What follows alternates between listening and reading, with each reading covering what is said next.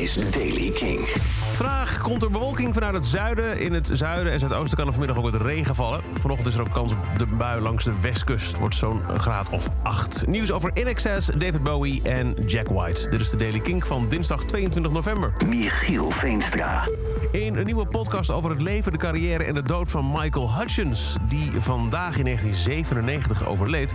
heeft In Excess bandlid John Farris onthuld dat ze heel graag door wilde gaan met een zangeres als front, ja, frontvrouw.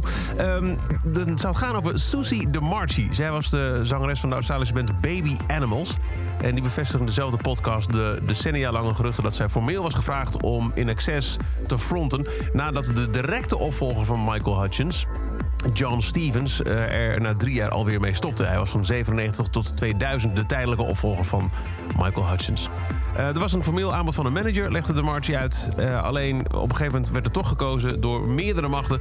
om voor een soort van idols-achtige tv-talentenjacht te gaan. En net is uiteindelijk ook gebeurd.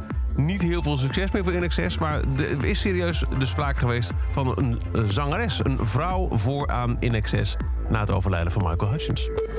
Duncan Jones, de zoon van Angie en David Bowie, is gefrustreerd over Donald Trump. Want die blijft maar muziek van zijn vader, David Bowie, gebruiken bij rallies en campagne-events. En dan vooral Heroes.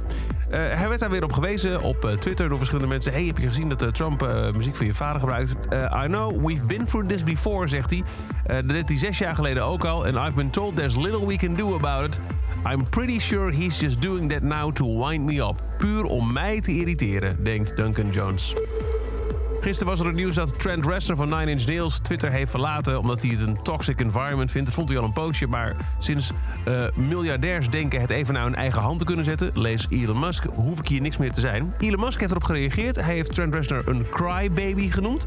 Maar dan kan hij wel even door, want meer en meer mensen keren Twitter de rug toe. Nu ook Jack White. Die had geen persoonlijk Twitter-account, maar praten wel veel via het Third Man Records Twitter-account, zijn platenlabel. En hij uh, zegt uh, het is uh, nu helemaal de maat vol nu Donald Trump weer terug mag komen op Twitter. So you gave Trump his Twitter platform back? Absolutely disgusting, Elon. That's official an a-hole move, an asshole move. Postte hij nog op Twitter. En daarna deactiveerde hij het Third Man Records account.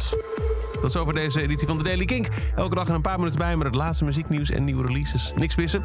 Zoek dan in de Kink-app de podcast-sectie op... en abonneer je daarin op de Daily Kink. Dan krijg je elke dag bij een nieuwe aflevering een automatische notificatie. En voor meer muzieknieuws en nieuwe muziek... luister je s'avonds om 7 uur naar Kink in Touch. Elke dag het laatste muzieknieuws en de belangrijkste releases in de Daily Kink. Check hem op kink.nl of vraag om Daily Kink aan je smart speaker.